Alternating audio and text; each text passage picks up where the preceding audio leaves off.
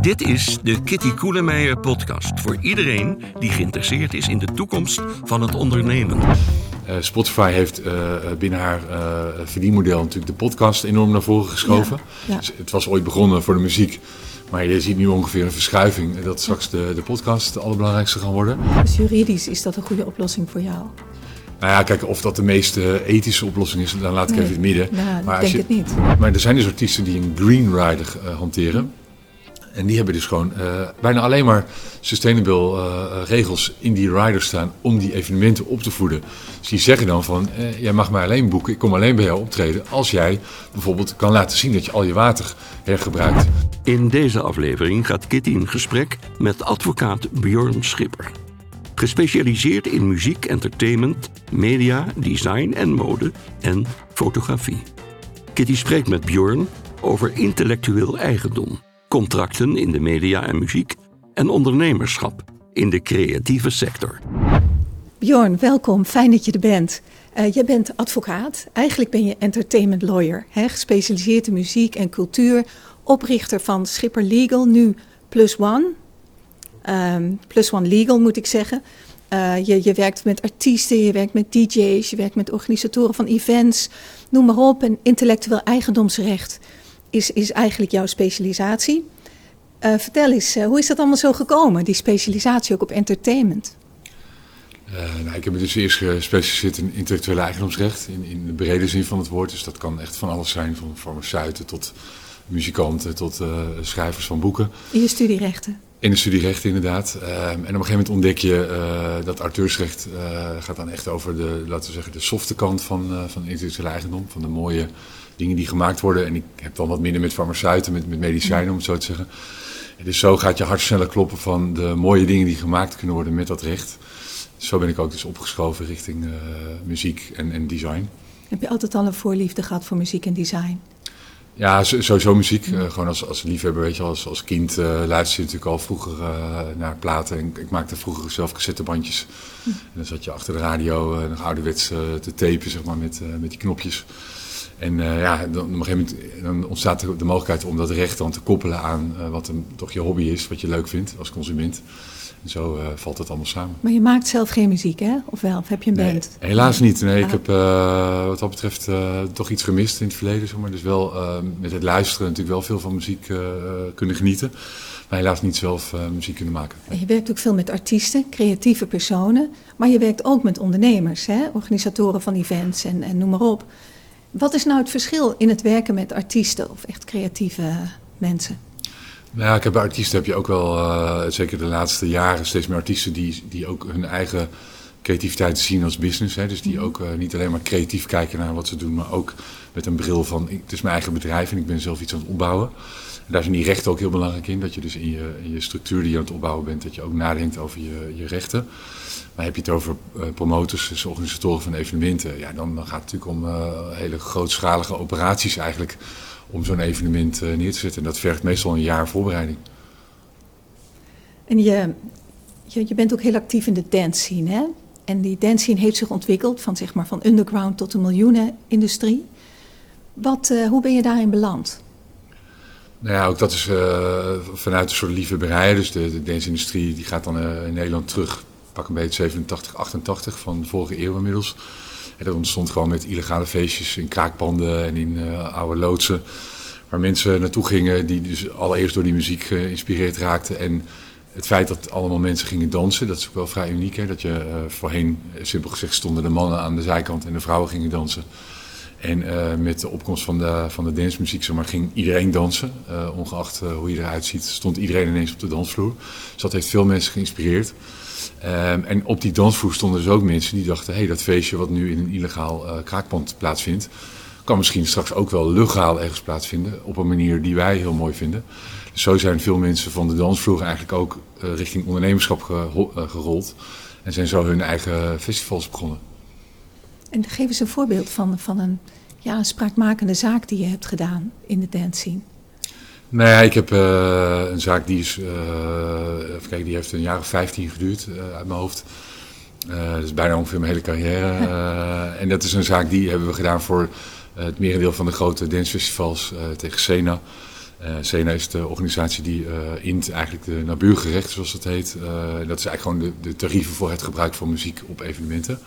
En dat was gewoon een principiële discussie tussen SENA en de organisatoren. Wat dan die prijs moest zijn, wat je zou moeten betalen voor de muziek. En de een wil veel betalen en de ander wil veel ontvangen, zeg maar. Of weinig betalen en veel ontvangen. en, en dan zal de waarheid in het midden liggen. dus die, die principiële zaak die heeft 15 jaar geduurd. Waarom duurt dat zo lang? Uh, ja, dat, er gaan allerlei fases uh, aan vooraf. Dus je hebt eerst natuurlijk de hele tijd onderhandelingen. Dat je maandenlang met elkaar gaat proberen om daar een soort model voor te bedenken waar iedereen blij uh, van wordt. Nou, dat lukt dan niet. En dan op een gegeven moment moet een van de twee kampen moet dan eigenlijk de eerste stap zetten om naar de rechter te gaan. En dan zegt de wet in dit geval ook dat je als je er niet uitkomt, je dus ook echt naar de rechter moet stappen. Want die moet dan het tarief vaststellen wat voor iedereen gaat gelden. en zo is dat dan gebeurd. Dus eerst de rechtbank en dan dan heb je de, hoge beroep bij het Hof, de tweede ronde, dan ben je inmiddels al jaren verder, zeg maar. En dan ondertussen proberen mensen ook nog te schikken. Ga je toch kijken van kunnen we niet uh, op basis van die eerdere uitspraken met elkaar een regeling treffen. Nou, als dat niet lukt, gaan we naar de volgende rechter. En zo is dat een paar keer achter elkaar uh, gegaan. Tot we dus twee jaar geleden naar de Hoge Raad uh, zijn gegaan. Dat was de laatste stap eigenlijk. en de Hoge Raad is ja, in ieder geval in Nederland de hoogste rechter die het laatste woord had in deze zaak. En is dat naar tevredenheid gezetteld? Nou, het is nog niet gezetteld. Volgens mij vinden er nog steeds gesprekken plaats uh, met inachtneming van de uitspraken van de rechters hiervoor. Hè. Dus Raad heeft uh, helaas niet voor ons ook, we hadden best wel, vind ik, wat interessante vragen gesteld daar. We hadden gehoopt dat uh, die vragen misschien zelfs naar, de Europese rechter zouden gaan. Maar de Hoge Raad heeft het eigenlijk afgedaan en gezegd, nou, jullie moeten het eigenlijk gewoon doen met de uitspraak van de hoge beroepsrechter van een paar jaar terug. En dat is dan de uitkomst en daar moeten we het mee doen. En nou ja, dat vormt nog steeds de, volgens mij de aanleiding om met, uh, met de partijen te onderhandelen. En wat heb je nou geleerd van deze zaak? want je zegt hij ontspant bijna mijn hele carrière. Nou, wat ik heb geleerd, wat, wat denk ik wel interessant is, is dat, uh, en dat is meer gewoon de benadering dat je uh, aan de ene kant uh, in zo'n zaak heel erg theoretisch kan, dingen kan bekijken. Dus dan haal je alles erbij, de hele wetsgeschiedenis. En dan ga je ook internationaal ga je recht met elkaar vergelijken. Dan ga je bijvoorbeeld kijken hoe dat in andere landen georganiseerd is. Dan heb je een hele abstracte juridische bril. En, uh, en mijn kant, zeg maar, zat er met name uh, aan de praktische kant. Dus ik heb al die jaren, zeg maar, uh, ja, alles geleerd, voor zover ik dat dan niet wist, maar alles geleerd van hoe het er echt aan toe gaat binnen de festivalhekken. Dus, dus als er iets opgebouwd wordt, wat erbij komt kijken, wat het kost, hoe die hele modellen zijn opgebouwd, zeg maar. Dus dat, om dat ook duidelijk te mogen maken, zeg maar, aan de rechters, wat, vond ik heel interessant. Want die hebben meestal ook niet de ervaring dat ze zelf op festivals rondlopen. Dus dan ben je toch mensen aan het bijpraten over de ontwikkelingen, zeg maar. Eh, ja. En dat entertainment law, hè, zoals je het zo kan noemen, dat is in de Verenigde Staten en zo'n aantal andere landen natuurlijk op een hele andere manier ontwikkeld dan in Nederland. Hè. Ik denk dat die professionalisering daar veel verder is dan bij ons. Zie ik dat goed? Ja, dat klopt wel. Ik denk dat uh, zeker in Amerika, de, de, entertainment lawyers daar, zeg maar, die hebben het vak ongeveer uitgevonden. Mm. Je hebt ook allerlei handboeken in ons eh, vakgebied, die met name uit Amerika, uit de Anglo-Saxische uh, landen komen. Maar goed, uh, in Nederland hebben we bijvoorbeeld ook in de laatste pak een beet 20, 25 jaar, als het al niet 30 is, zijn er altijd wel advocaten geweest die dat ook zagen en dachten van hé, hey, kan ik ook in Nederland natuurlijk uh, doen. Dus zo zijn er ook in Nederland de laatste uh, pak een beetje 20 jaar wel veel meer entertainmentadvocaten bijgekomen. En als je het hebt over artiesten, hè, wat zijn nou de meest voorkomende juridische problemen waar ze tegenaan lopen? Of waar ze niet goed over nadenken van tevoren? Ja, het zijn gewoon uh, toch een aantal valkuilen die je uh, eigenlijk al die jaren ook terug ziet komen. In, in, verschillende vormen wel, maar het komt steeds op hetzelfde neer. Een artiest is toch vaak uh, gefocust op, op, laten we zeggen, het geld. Dus dan, dan kijkt iemand bijvoorbeeld wat voor royalties krijg ik in zo'n contract. Dan staat daar 20% of zo. Uh, of een voorschot, hè, dat er eerst een bedrag uh, van tevoren wordt betaald. Daar, daar wordt dan door een artiest veel op gelet. En er wordt dan bijvoorbeeld niet gekeken of te weinig gekeken naar hoe lang je je rechten overdraagt of je licentie geeft. Uh, misschien ben je wel voor je hele leven je rechten kwijt. En heb jij, dan denk je in ieder geval financieel een goede deal gesloten te hebben, doordat je alleen maar kijkt naar dat voorschot. Maar als je je rechten voor heel je leven kwijt bent, heb je misschien een hele slechte deal. En dus dat, dat, gebeurt ook echt nog? Dat gebeurt nog steeds, ja. ja. Ondanks alle waarschuwingen ja. en ondanks alle nou ja, slechte voorbeelden uit het verleden uh, is dat nog steeds wel. en waar gebeurt dat bij programma's, bij de talentenjachten op tv? Of? Nou, ook, hè, maar dat heeft wel meer te maken met het programma. Dat het programma, dat is natuurlijk een soort format. Uh, en, en, daar zit een heel uh, verdienmodel aan vast. En daar onderdeel daarvan is dat je iets met die muziek kan doen die daar uh, mm. gespeeld wordt. Dus die rechten liggen automatisch op tafel bij dat soort programma's. Maar je hebt het ook gewoon over als je bij een platenlabel tekent of bij een muziekuitgever. En dan zit je daar voor verschillende redenen. Nou ja, daar spelen die rechten allemaal een rol bij. En dat is de belangrijkste valkuil die je tegenkomt? Of zijn er nog meer? Nou, je ziet het nu bijvoorbeeld, uh, het is natuurlijk een ontwikkeling van de afgelopen, nou het is denk ik een jaar of drie of zo, dat met name ook in het buitenland er veel geld wordt betaald door investeerders die al die muziekrechten opkopen. Van Bob Dylan bijvoorbeeld, ja. er zijn er zoveel honderd miljoen wordt daarvoor, of Bruce Springsteen, zoveel honderd miljoen wordt daarvoor betaald. maar het feit dat die investeringen nu in die muziekrechten gedaan worden, laten zien letterlijk dat die muziekrechten heel veel waard zijn. Uh, en dat laat ook zien waarom iemand als Bruce, Bruce Springsteen of Bob Dylan in het begin van zijn carrière dus eigenlijk ook heel zuinig is geweest of had moeten zijn op die rechten. Want daardoor kan hij zoveel jaar later deze deals maken. Maar zijn dat ook zijn dat gewoon slimme zakelijke mensen, die, hè, de Springsteens en de Bob Dylans, die dat goed doen? Of is dat, is dat meer toeval? Nou, het is natuurlijk zeker een, een slimme, bepaalde slimheid achter. Maar ik denk dat zij ook inmiddels wel goed georganiseerd zijn. Dus ze hebben uh, om hun heen mm. gewoon een heel team gebouwd in de afgelopen decennia. Van advocaten, van accountants, uh, van managers, noem maar op. Van mensen die gewoon weten hoe, hoe het spelletje gespeeld moet worden. En die dus ook anticiperen hè, dat ze nu dus in, in de herfst van hun carrière, of misschien wel in de winter van hun carrière, alsnog die mogelijkheid krijgen om die rechten voor veel geld te kunnen verkopen. Als je nou een beginnend artiest bent en je krijgt een contract, dan denk je misschien van de platenmaatschappij of in het kader van een tv-programma. Dan denk je misschien van ja, ik moet het maar nemen, want als ik, als ik tegenspreek, dan willen ze me niet. En dan is mijn, mijn kans verkeken. Hè? Hoe, wat, hoe moet je daar nou mee omgaan als artiest? Nou, ik zeg altijd dat uh, iedereen het recht heeft om te onderhandelen. Ik bedoel, dus niet staat je vrij om gewoon uh, jouw punten op tafel te leggen.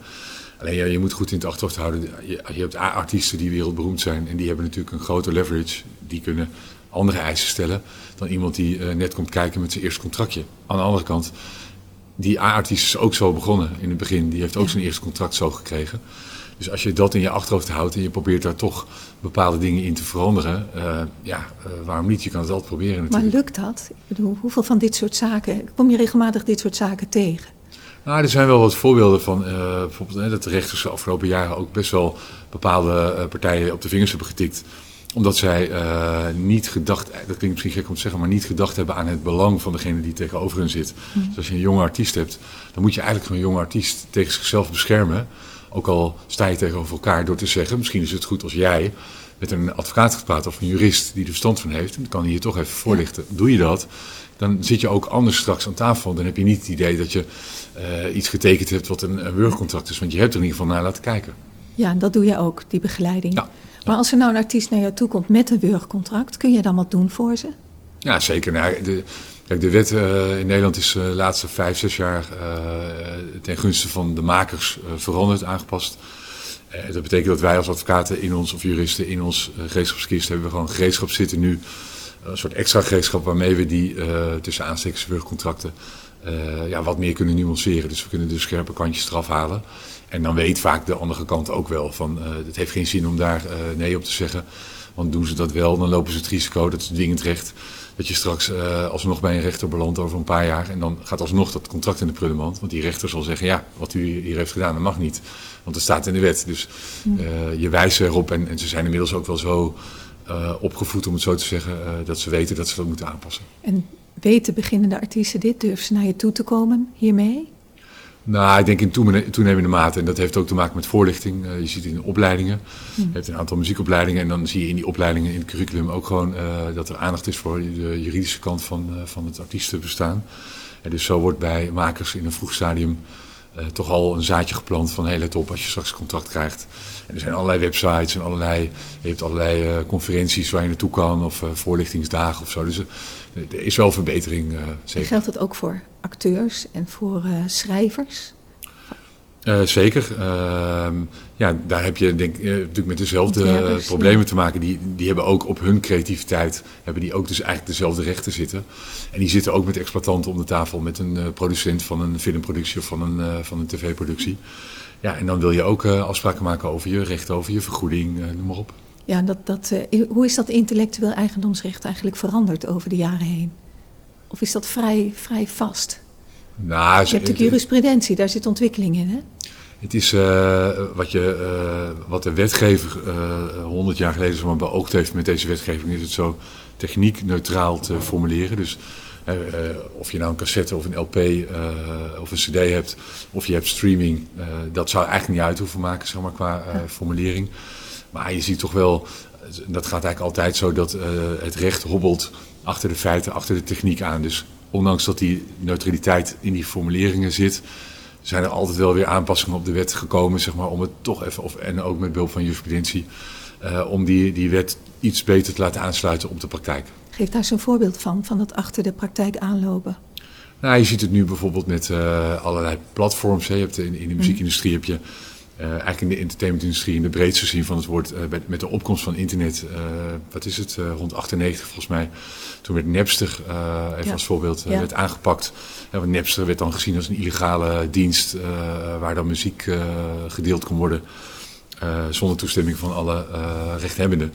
Dus de, met name de Amerikaanse plaatindustrie is er vol tegen ingegaan en die heeft Napster aangepakt.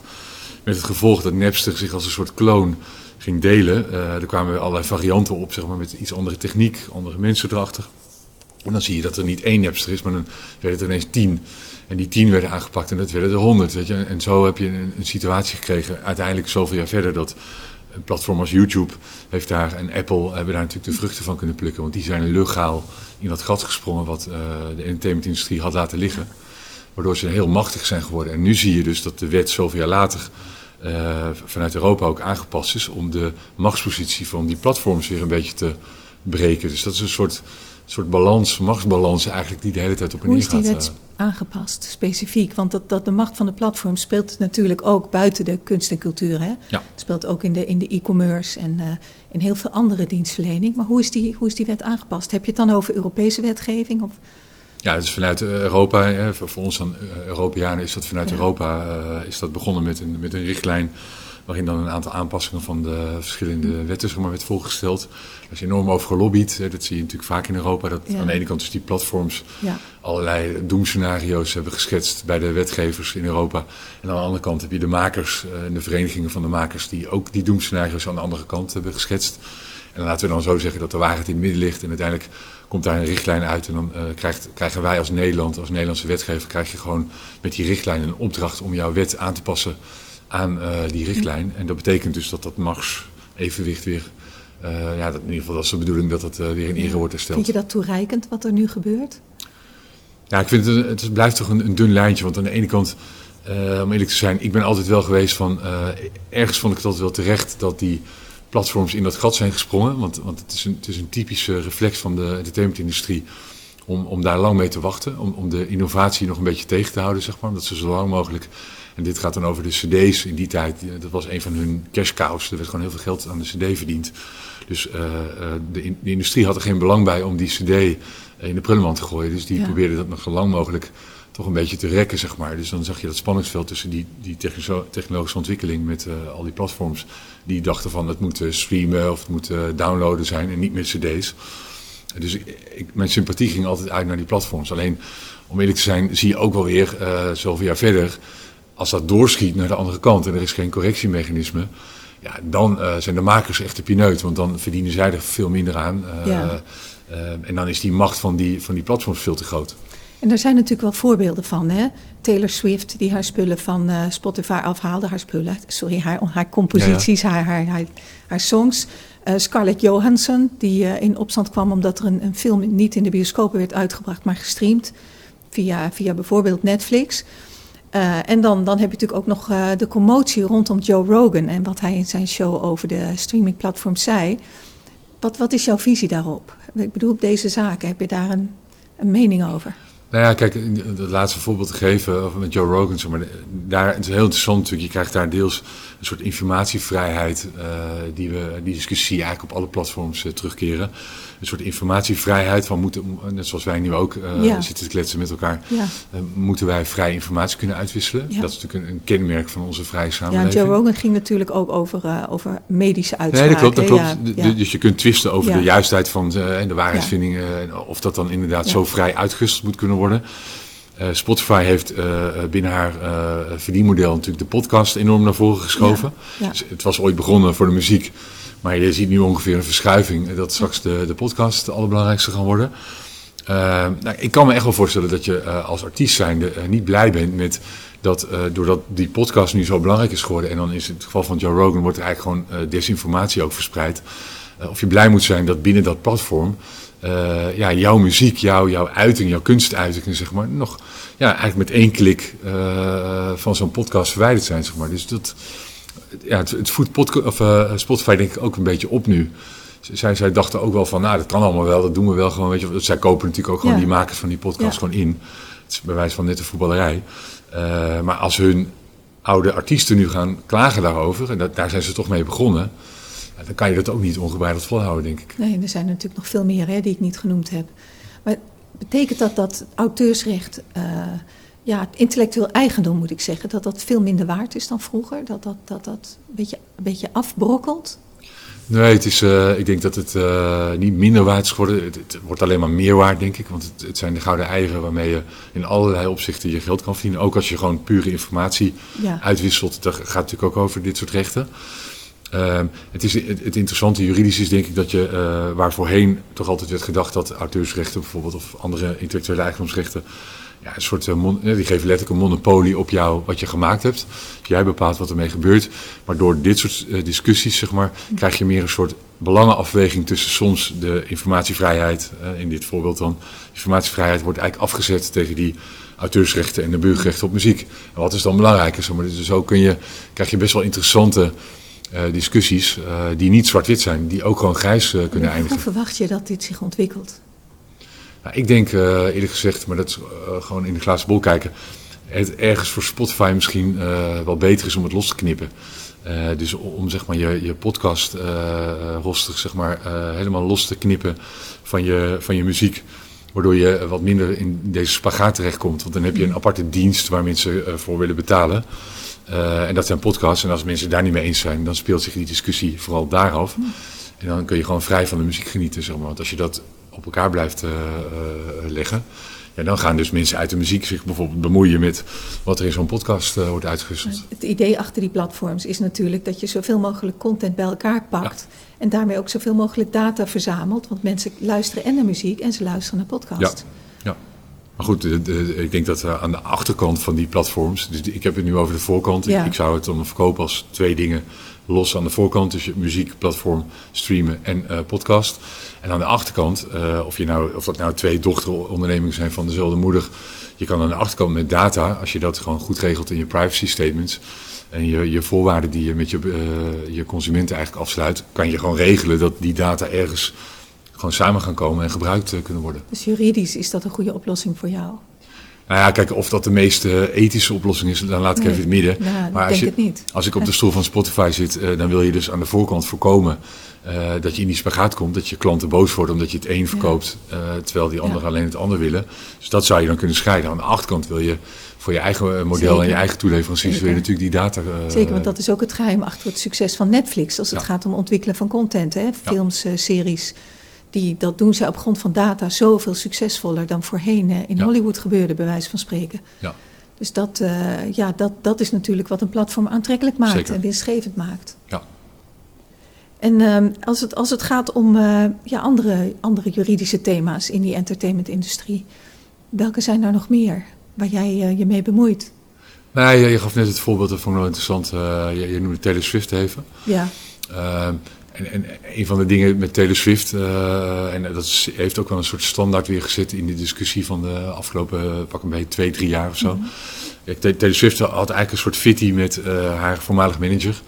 En die had een platenlabel en die had weer rechten opgekocht en zo. Dus die rechten van haar eerste platen, zeg maar, zaten, om het zo maar even te zeggen, bij haar vijand. Mm -hmm. Dus haar, haar aardsvijand had de rechten op haar eerste platen. En zij was dus niet mee eens uh, dat hij nog steeds geld uh, kon verdienen aan haar uh, muziek.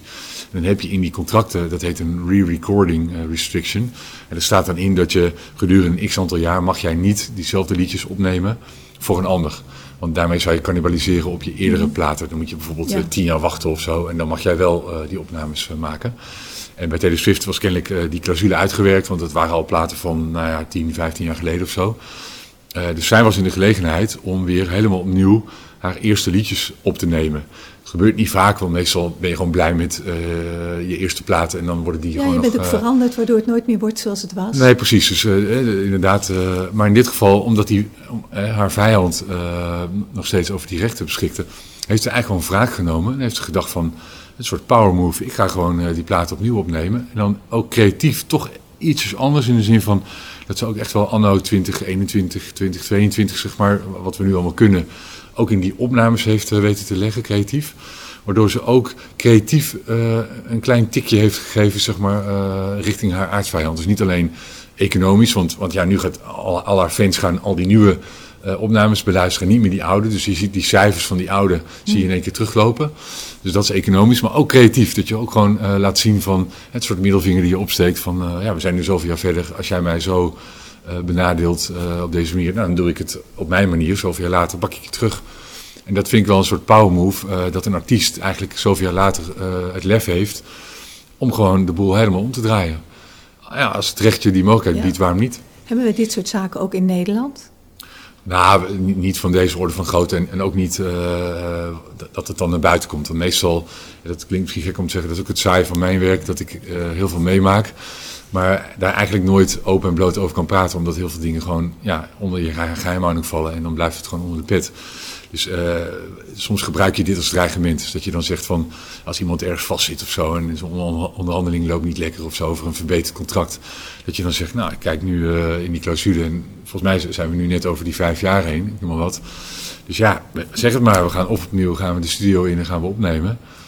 Of we gaan het alsnog over een betere deal voor de toekomst hebben. En dan zie je toch mensen bijtrekken.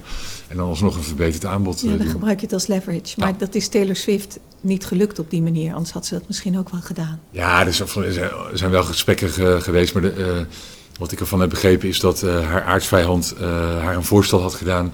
Uh, voor haar nieuwe muziek. Dus zij, zij, maakt natuurlijk ook nog steeds nieuwe muziek. En dan zou ze eigenlijk, voor, simpel gezegd, voor elke nieuwe plaat die ze opnam, die zou ze dan bij die aardvijand moeten onderbrengen. En dan zou ze een oude terugkrijgen. Dus dan krijg je een soort, oh. dat je van kleur verschiet. Ja. Dan ben je al je oud materiaal krijg je weer terug, maar je bent al je nieuw materiaal weer, weer kwijt. Dus dat is dan gewoon een, nee, uh, nee, no-go natuurlijk. Zeker. Ja. Dat is interessant. Ja. En um, als het gaat over contracten, hè, voor artiesten, ook voor bestaande artiesten, zie je, heb je daar door de jaren heen nog, nog verschillen in zien, uh, ontwikkelingen in gezien?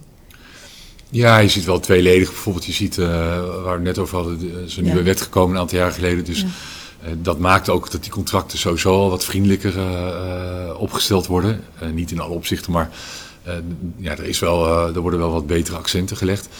Maar ik heb ook wel gezien dat er, ik noem maar even, green deals uh, worden gesloten. Dat je gewoon ziet dat uh, sommige mensen door schade en schande wijs zijn geworden. En die zijn bijvoorbeeld ooit als artiest begonnen. En die beginnen zoveel jaar later hun eigen platenlabel. En die willen dus niet meer meemaken wat ze zelf twintig jaar geleden mee hebben gemaakt. En die bieden hun artiesten, uh, of hun managers met artiesten, bieden gewoon hele, hele faire uh, contracten aan. Uh, en dat klinkt een beetje soft. Het klinkt sustainable. Het klinkt ja, maar kijk, ergens is het soft, hè, want, want je, je, gaat dan zoeken toch een beetje naar het redelijke midden. Maar ik, op zich juich ik dat wel toe, want dat voorkomt gewoon dat er toch ja, conflicten gaan ontstaan tussen partijen. Het nadeel is dat als een van de twee weg wil, dat zo iemand zichzelf misschien tekort kan doen, omdat iemand dan wat makkelijker weg kan. En heb jij al die jaren bijvoorbeeld je best gedaan voor iemand en dan uh, blijkt die zomaar weg te wandelen. Uh, dat gebeurt dan ook nog wel eens. Maar de, uh, ja, ik denk met zo'n zo'n faire deal dat iedereen zich toch wat beter blijft voelen. En dan is die relatie vaak ook voor de lange termijn blijft gewoon goed. Dan krijg je niet dat een van de twee zich tekort gedaan voelt. En, en zaken als MeToo, kom je die ook tegen in contracten, clausules daarover?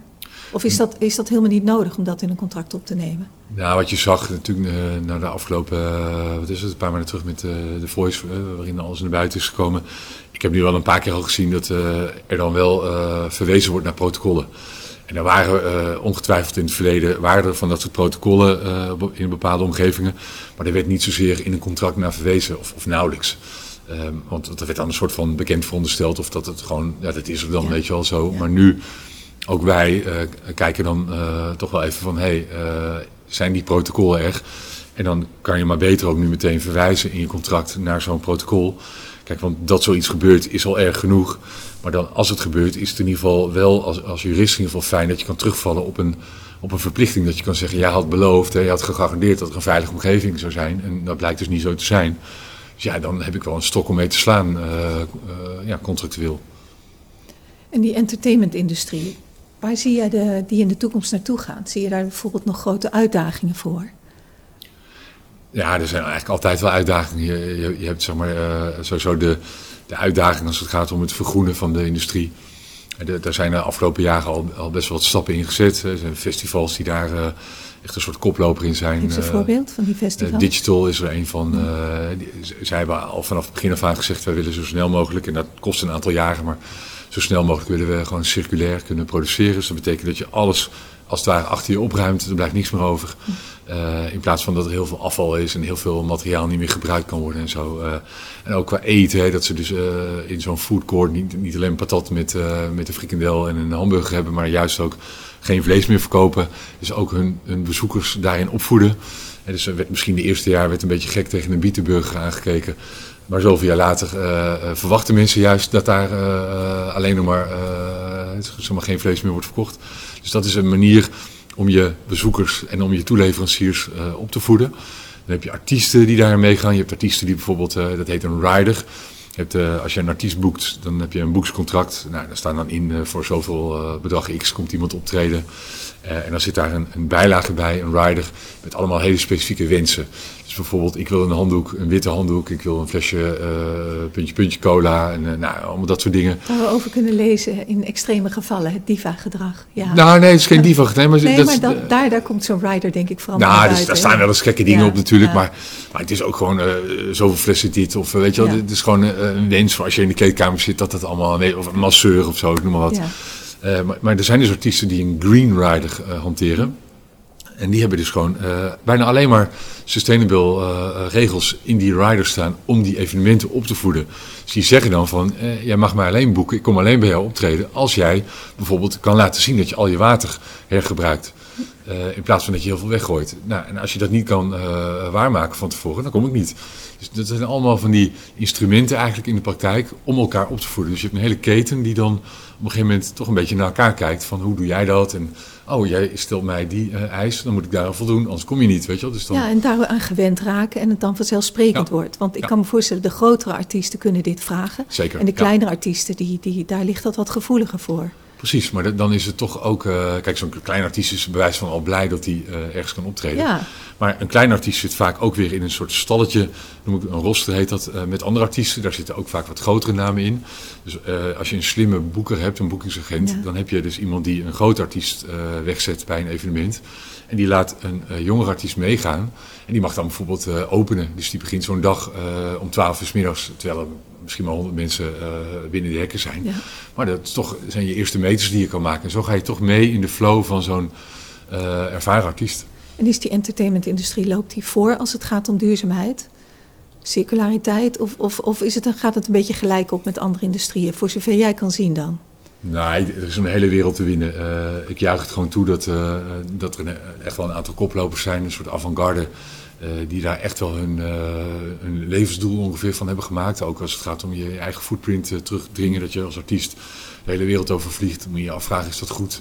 En moeten we daar ook niet op een andere manier mee omgaan? Dus dat, dat ik toe. Maar aan de andere kant, het gaat natuurlijk om heel veel geld ook. En, en geld is wat dat betreft meteen ook een bedreiging voor dit soort ontwikkelingen. Helaas nog steeds, want zo denken nog veel mensen. Uh, ja, en dan denken ze van ja, ik krijg daar uh, bedrag X voor als ik met de auto nu drie keer over de kop ga met een vliegtuig. Dan doe ik dat gewoon, ja, want dan krijg ik dat bedrag. Dus er is nog echt een hele grote wereld te winnen. Maar goed, ik juich gewoon wel toe dat er in ieder geval een avant-garde is die daar wel in Zeker. loopt. Zeker. En naast die vergroening nog andere uitdagingen? Ontwikkelingen Ja. in de toekomst?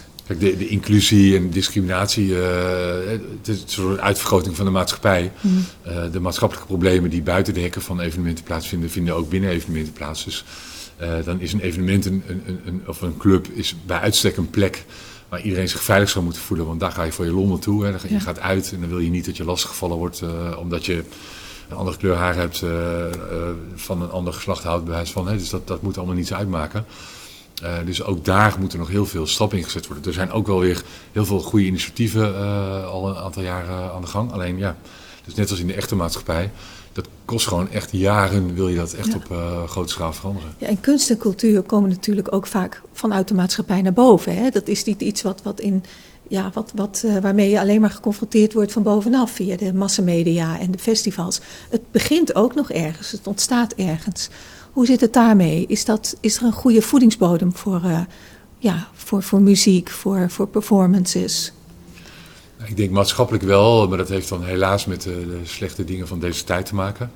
Uh, dus maatschappelijk, we hebben een gedoe in Amerika gehad, dus de, de, maatschappelijke problemen de, woningnood, noem maar op. Dus dat ligt allemaal letterlijk op straat. En dat is voor een kunstenaar is dat, zijn dat op zich goede thema's om mee aan de slag te gaan. Uh, maar dat, dan kom je meteen op bijvoorbeeld ruimtegebrek. Dus dat je, waar je misschien voorheen in de jaren tachtig had je ook weet je wel, geen woning in Groningen en woningnood en zo. Maar dan waren volgens mij voor de autonome kunstenaars waren er nog wel veel plekken oude fabrieksterreinen, noem maar op en zo. Waar je met krakers best wel wat, kon, ja, wat ruimtes kon krijgen. Om daar in ieder geval je, je kunsten te, te uiten, zeg maar. En dat is nu met al het geld wat tegen de pintjes opklotst als het gaat om de woningmarkt. waardoor je dus al die plekken, ook hier in Amsterdam bijvoorbeeld in de stad, hebt zien verdwijnen. is er gewoon een enorme schaarste aan plekken. Dus, dus, dat spanningsveld van, is er nog wel letterlijk een ruimte voor je? Dus je hebt aan de ene kant die thema's die er wel zijn... Aan de andere kant heb je nog wel ruimte om je te kunnen uiten, zeg maar. Dat is wel ja. een bedreiging op dit moment. Wie, wie moet dat oplossen en hoe? Nou, kijk, de, de, gemeente speelt daar ook een rol in. Hè? Want de gemeente is natuurlijk letterlijk de hoeder van de stad ja. hier. Um, en ergens uh, proef ik dan dat, uh, dat schaarste als een soort modeterm wordt gebruikt. Dat, dat de gemeente er lijkt wel haast trots op is dat er een soort tijdelijkheid wordt dat dan genoemd. Dat je tijdelijke ruimtes hebt waar, waar je bijvoorbeeld vijf jaar lang iets kan ontplooien. En dan na die vijf jaar moet je weg. En dan uh, ja, gaan ze daar huizen bouwen, appartementen. En dan moet je maar weer ergens anders naartoe, zeg maar. En dat heeft deels, kan het iets moois in zich hebben. Want anders ga je misschien een beetje inkakken. Dan denk je, ja, ik mag hier uh, twintig jaar zitten. Dus ach, ja. ik ga de eerste drie jaar ga ik eerst even gewoon rustig aan doen. En als je vijf jaar hebt, dan heb je een urgentie. En dan wil je in vijf jaar wil je jezelf bewijzen. Dus daar zit, ja, die urgentie maakt dat mensen misschien eerder zich gaan uiten. Aan de andere kant ja, moet je je afvragen of het gezond is dat uh, na vijf jaar zo'n plek volledig verdwijnt. En dat zo'n buurt volledig gaat bestaan uit hele dure appartementen waar uh, alleen maar mensen kunnen wonen die heel veel geld hebben. Dat waag ik te betwijfelen. Dus dat is wel iets waar de gemeente, denk ik, uh, ook echt wel naar moet kijken. En dus, dus, ook niet tijdelijkheid als een soort modeterm moet gebruiken. Het is prima dat er tijdelijke plekken zijn. Maar ik denk dat je de balans moet zoeken tussen gewoon vaste plekken of gewoon dat er in ieder geval veel meer ruimte is voor kunstenaars, voor creatieven om zichzelf te kunnen vestigen. En dan ook niet zomaar na vijf jaar dat je de sleutel moet inleveren en dan dat je plaats moet maken voor dure appartementen. Maar als jij nou een initiatief mocht starten, wat, wat zou je dan doen? Nou, ik zou die, uh, ja, ik ga er niet over, maar ik, zou liefst een, soort kaart voor me uh, willen zien, uh, een beetje risk willen spelen binnen Amsterdam. En dat je met de mensen die er verstand van hebben, plekken kan aanwijzen van, van tijdelijkheid en plekken kan aanwijzen van die zich bewezen hebben. Of bijvoorbeeld tijdelijkheid, komma, maar. Dus als de maar is dat je succes hebt en dat je uh, van meerwaarde bent voor de buurt, dat je dan misschien wel kan blijven. Dus dat die tijdelijkheid omgezet wordt in permanent, zoiets, weet je wel. Dat, je, uh, want dan krijg je gewoon ook voor de buurt, ook als er nieuwe huizen worden gezet, dan behoud je uh, wat die buurt zo aantrekkelijk maakt. Namelijk, er zit bijvoorbeeld een bepaalde plek waar allemaal nou ja, hele creatieve mensen uh, allemaal mooie dingen doen. En je hebt misschien wat horeca erbij, uh, wat, samen met de buurt, weet je wel, iets, iets voor elkaar weet te krijgen. Maar wie moet dat dan gaan doen? Hè? Want je zegt, het is niet aan mij. Aan wie is het? Nou, kijk, het, het is formeel aan de gemeente, maar ik denk dat, kijk, wij hebben in, of in, in, Amsterdam hebben we de nachtburgemeester, is daar ja. natuurlijk een voorbeeld van. Die heb je ook in Rotterdam, en die zit ook in Eindhoven, in Nijmegen en in Groningen. Uh, dat je met, met zo'n partij, hè, met zo'n speler in het veld eigenlijk, die het nou hele nachtleven niet, kent. Het is niet een individu, het is een organisatie, hè, nachtburgemeester. Ja, in Amsterdam uh, was het voorheen, had je, het is ooit begonnen gewoon met uh, een soort nachtcollectief, hè, met een nachtwacht, met een aantal mensen die vonden dat het beter en anders moest. Nou, die hebben elkaar gevonden en die begonnen een soort nachtburgemeesterschap. En dat was gewoon heel informeel. En dat is op een gegeven moment omgezet in een stichting is een officiële stichting geworden met een nachtburgemeester die ook gekozen wordt. Dus om de zoveel jaar heb je dan verkiezingen. En dan word je gewoon uh, als nachtburgemeester word je nog gekozen. zit in de raad van toezicht hè, van die stichting. Is in de raad van toezicht, ja, ja klopt. Ja. Uh, nou, en nu, wat je de afgelopen maanden ook uh, misschien wel voorbij hebt zien komen in de media, is dat we eigenlijk hebben gezien dat tijdens de crisis de nachtburgemeester zoals die nu georganiseerd is ook best kwetsbaar is. En dat heeft bijvoorbeeld te maken met dat als jouw hele, hele veld om jou heen ook op schat ligt, omdat er gewoon niks georganiseerd kan worden, en jij bent afhankelijk van de mensen om jou heen, de partijen, de clubs, de festivals, noem maar op. Is het dus heel moeilijk om, om die taak te vervullen. Terwijl je dan juist heel belangrijk bent in de crisistijd. dus zo, zo zijn we erop gekomen dat we eigenlijk naar een nachtraad willen die wat breder is. Die niet alleen één persoon is die gekozen wordt, maar dat je gewoon, laten we zeggen, twaalf mensen of tien mensen hebt met een bepaalde achtergrond. Die met elkaar die stad, als het gaat om de nacht, gedurende een x aantal jaar uh, semi-besturen, samen met de gemeente. En dan na zoveel jaar weer plaatsmaken voor anderen, zeg maar. Waardoor je iets breder kader krijgt en iets dichter ook bij de gemeente zit. En bestuurlijke verankering, dat je... Ja eh, hier heb je, je hebt ook de sportraad en de kunstraad. Die zijn ook officieel verankerd uh, door de gemeente. Dus zo'n soort benadering zou je dus eigenlijk ook voor de nacht uh, moeten krijgen. En hoe kansrijk is dat? Nou, ik denk dat het heel kansrijk is. en dat, dan... Jullie hebben al stappen gezet. Ja, ik baseer me even op de... De laatste weken is onder andere in de media ook wat aandacht voor geweest. We zitten nu in aanloop naar de gemeenteraadsverkiezingen. En hebben gewoon een aantal politieke partijen ook al laten weten dat ze dat heel, een hele goede uh, zet vinden. Een goede transitie eigenlijk van de nachtburgemeester zoals die was naar die nachtraad. Uh, waarbij de nachtburgemeester nog steeds bestaat, maar die is dan de voorzitter van de nachtraad. Um, en de, de, de, belangrijke spelers uit het veld hebben ook hun steun daarvoor uitgesproken. Hè. Dus bijvoorbeeld de Koninklijke Nederland, die hier in Amsterdam zit. Of het overleg van alle Amsterdamse clubs de evenementenvereniging Amsterdam. Dat zijn allemaal grote spelers. Die hebben allemaal gezegd van dit vinden we een goed idee. Want dit geeft veel meer body aan die nacht, zeg maar. Dan dat het één iemand is die uh, met beperkte middelen, beperkte tijd heel veel werk moet doen. Ja. En het gaat dan vooral over muziek, maar misschien ook over andere vormen van podiumkunst? Het gaat over alles. Het gaat, over alles. Muziek is maar één ding. Het gaat over alle, hè, dus bijvoorbeeld kunst in de breedste zin van het woord. Dus ook de decorenontwerpers of de lichtmensen. Maar het gaat ook over eh, de veiligheid op straat, over verlichting op straat, over vervoer. En je moet bijvoorbeeld nachtvervoer hebben. Het is wel leuk dat je bijvoorbeeld sluitingstijden verruimt. Maar als niemand naar huis kan, ontstaat er een hele onveilige situatie. Dus dat hangt allemaal met elkaar samen. Het gaat natuurlijk ook over openbare orde, uh, over drank- en drugsgebruik. Uh, ja, uh, noem maar op. Dus de nacht is veel meer dan alleen maar kunst. En die, die creatieve sector, hè? Is dat een gewone sector dat je zegt, het is een industrie zoals alle andere? Wat heeft die specifieke kenmerken? Is daar iets bijzonders mee? Nou, als je het een beetje mag, mag typeren, want je gaat natuurlijk wel een beetje in hokjes denken, maar ja. uh, de creatieve industrie heeft, en zeker de, uh, als we het even hebben over bijvoorbeeld de elektronische muziekindustrie, heeft een soort do-it-yourself mentaliteit. Dus die hebben zichzelf gewoon uitgevonden, want die, iets was er gewoon nog niet. Ze zijn zelf feestjes gaan organiseren. En zijn dat gaan uitklappen naar het volgende en weer iets erbij en nog iets erbij, weet je wel, zo. Dus die hebben dat allemaal zelf uitgevonden. En die kregen nooit steun van, uh, van de gemeente of van de overheid, want die, die vond dat ook al maar een beetje vaag en eng en uh, illegaal. En ja, die mentaliteit zit gewoon in het DNA van deze industrie. En dat, ja, dat doe it yourself. En, en ik vraag me af, kunnen andere sectoren wat leren van de muziekindustrie of andersom? Hè? Nou ja, ik denk dat, uh, kijk, de kern van ondernemerschap is dat je toch een bepaalde mate, zou ik denken, van do-it-yourself in je hebt. Maakt niet uit wat je doet. Je moet ergens durven een stap te zetten. Zeg maar. Als je dat niet doet, dan kom je er natuurlijk nooit. Uh, maar dat volledig autonoom denken, zeg maar, daarin, dat is wel iets wat, waar bijvoorbeeld andere ondernemers van buiten deze industrie iets van kunnen leren. dat je gewoon, ja, je moet er gewoon voor gaan. en dan vanuit een soort eigen authentieke visie. En daar moet je gewoon voor gaan. En als dat niet lukt, dan, probeer je het nog een keer, weet je wel. Net zolang tot het wel lukt. En niet opgeven. En die, er wordt steeds meer gesproken over, ook over samenwerking hè, tussen creatieve kunstenaars, wetenschappers en ondernemers. Gebeurt dat in, in deze sector ook? Want je hebt natuurlijk ondernemers, je hebt creatievelingen, je hebt natuurlijk wel wat wetenschap, maar ik, ik zit te denken, hè, het is altijd leuk als sectoren wat van elkaar kunnen leren. En hè, dat je wat van dat creatieve ondernemerschap inbrengt in, in, in andere sectoren en vice versa. Zijn, jullie, zijn er initiatieven op? Zijn jullie daar überhaupt mee bezig?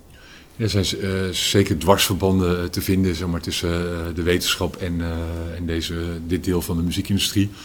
Ja, een voorbeeld wat ik kan bedenken is bijvoorbeeld, er zijn toen er nog evenementen waren zeg maar, voor de crisis, ja. zijn er bijvoorbeeld opnames volgens mij met drones gemaakt van dansende mensen. Dus dan krijg je gewoon eigenlijk heel abstract, alsof je een soort storend tv-beeld hebt van die kleine poppetjes die allemaal bewegen.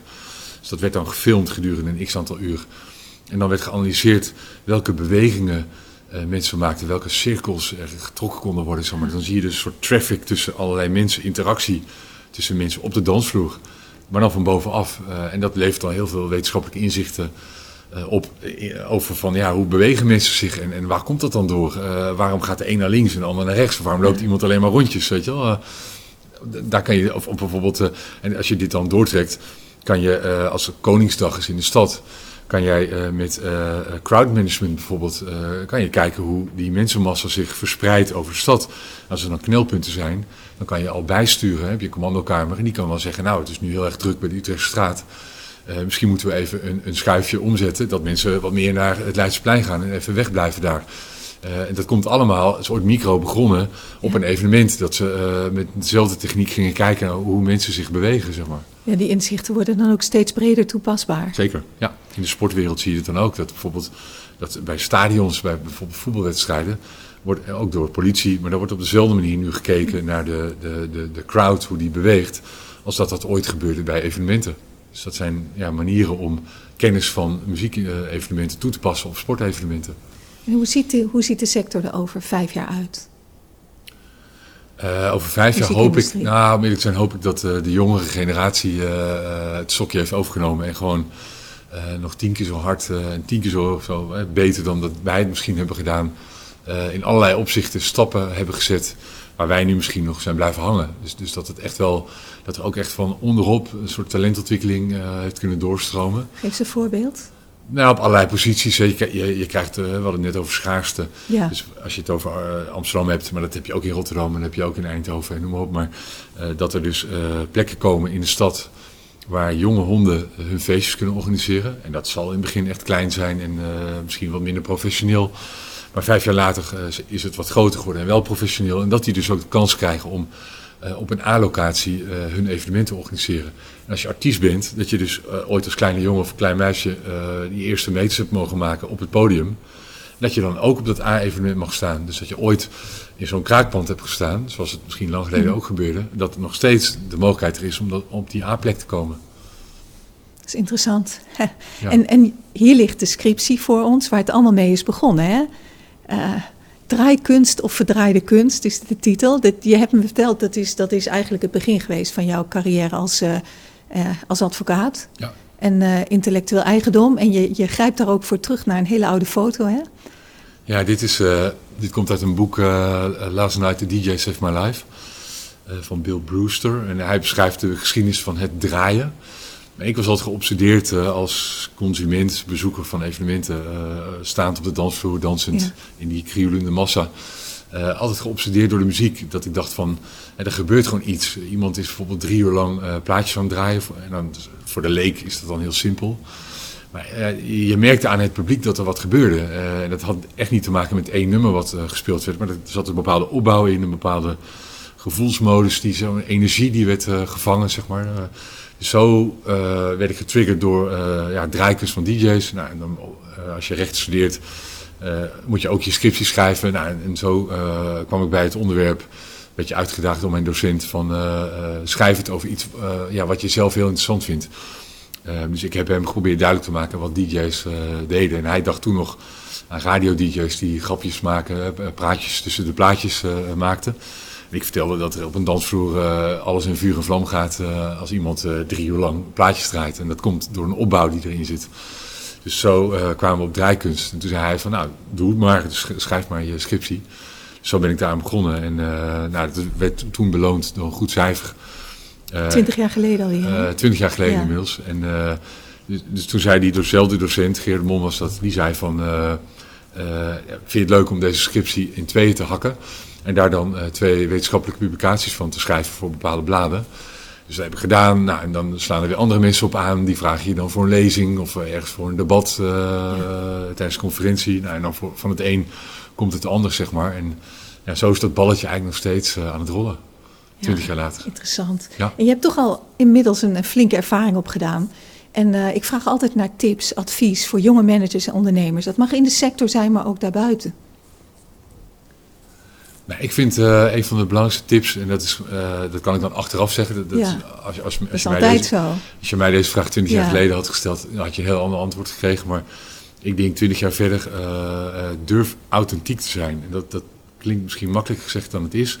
Want we hebben allemaal de neiging, zijn kuddedieren, mensen, om te kijken naar elkaar. En je kijkt om je heen en je pas je een beetje aan. Als iedereen rode schoenen draagt, ga jij misschien ook wel rode schoenen dragen.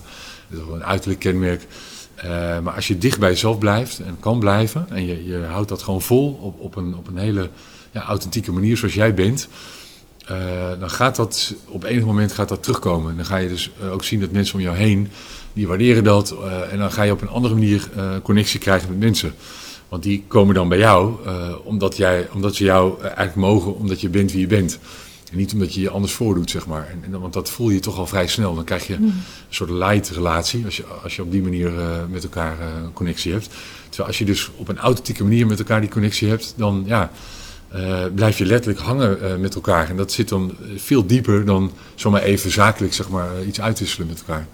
Kom je dat in de muziekindustrie meer tegen dan elders, denk je? Dat authentieke gedrag? Nou, ik denk in de muziekindustrie heb je natuurlijk genoeg paradijsvogels rondlopen. Uh, die op een bepaalde manier authentiek willen zijn ten opzichte van andere mensen. En daar zit ook deels gebakken lucht tussen. Er zit natuurlijk ook gewoon iets waar je gewoon heel makkelijk doorheen prikt. Uh, dus op lange termijn ga je het kaf van het koren kunnen scheiden. Maar ik denk dat de mensen die dus eigenlijk altijd authentiek aan zichzelf zijn gebleven, wel het verst komen en langs meegaan. Mooie afsluiting. Bjorn, dankjewel dat je hier was en dank voor je openheid en je inzichten. Nou, graag gedaan. Ja. Dankjewel voor de uitnodiging. Dit was de Kitty Koelemeijer podcast. Als je dit gesprek interessant vindt en vaker dit soort gesprekken wilt zien of horen, druk dan op die bekende knop. Want dan weet je één ding zeker: de podcast van Kitty wordt vervolgd.